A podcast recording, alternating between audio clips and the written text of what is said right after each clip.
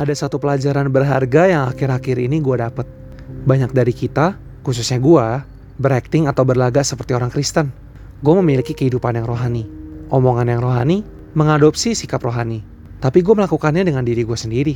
Mungkin gue melakukannya dalam tanda kutip dengan sangat baik. Tapi effort gue itu sebenarnya udah jadi satu peringatan. Kalau ada sesuatu yang salah. Gue memaksa diri gue untuk tidak melakukan ini, membatasi diri gue untuk tidak melakukan itu, dan banyak usaha-usaha dan pembatasan-pembatasan yang gue buat sendiri.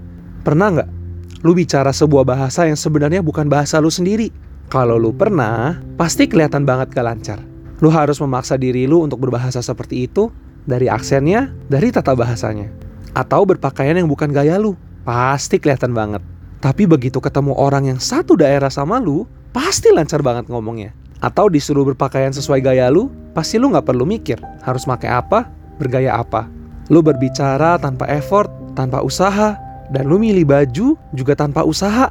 Mikir mau pakai yang mana, warna apa. Spontanitas itu menunjukkan siapa diri kita sebenarnya.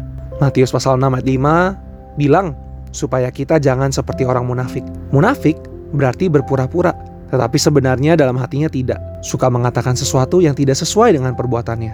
Tidak ada yang lebih menyedihkan dan menyakitkan dari seorang yang berpura-pura jadi seperti seorang Kristen. Betapa diberkatinya kita kalau kehidupan kita, doa kita, sikap kita adalah ekspresi spontan dari Kristus di dalam kita.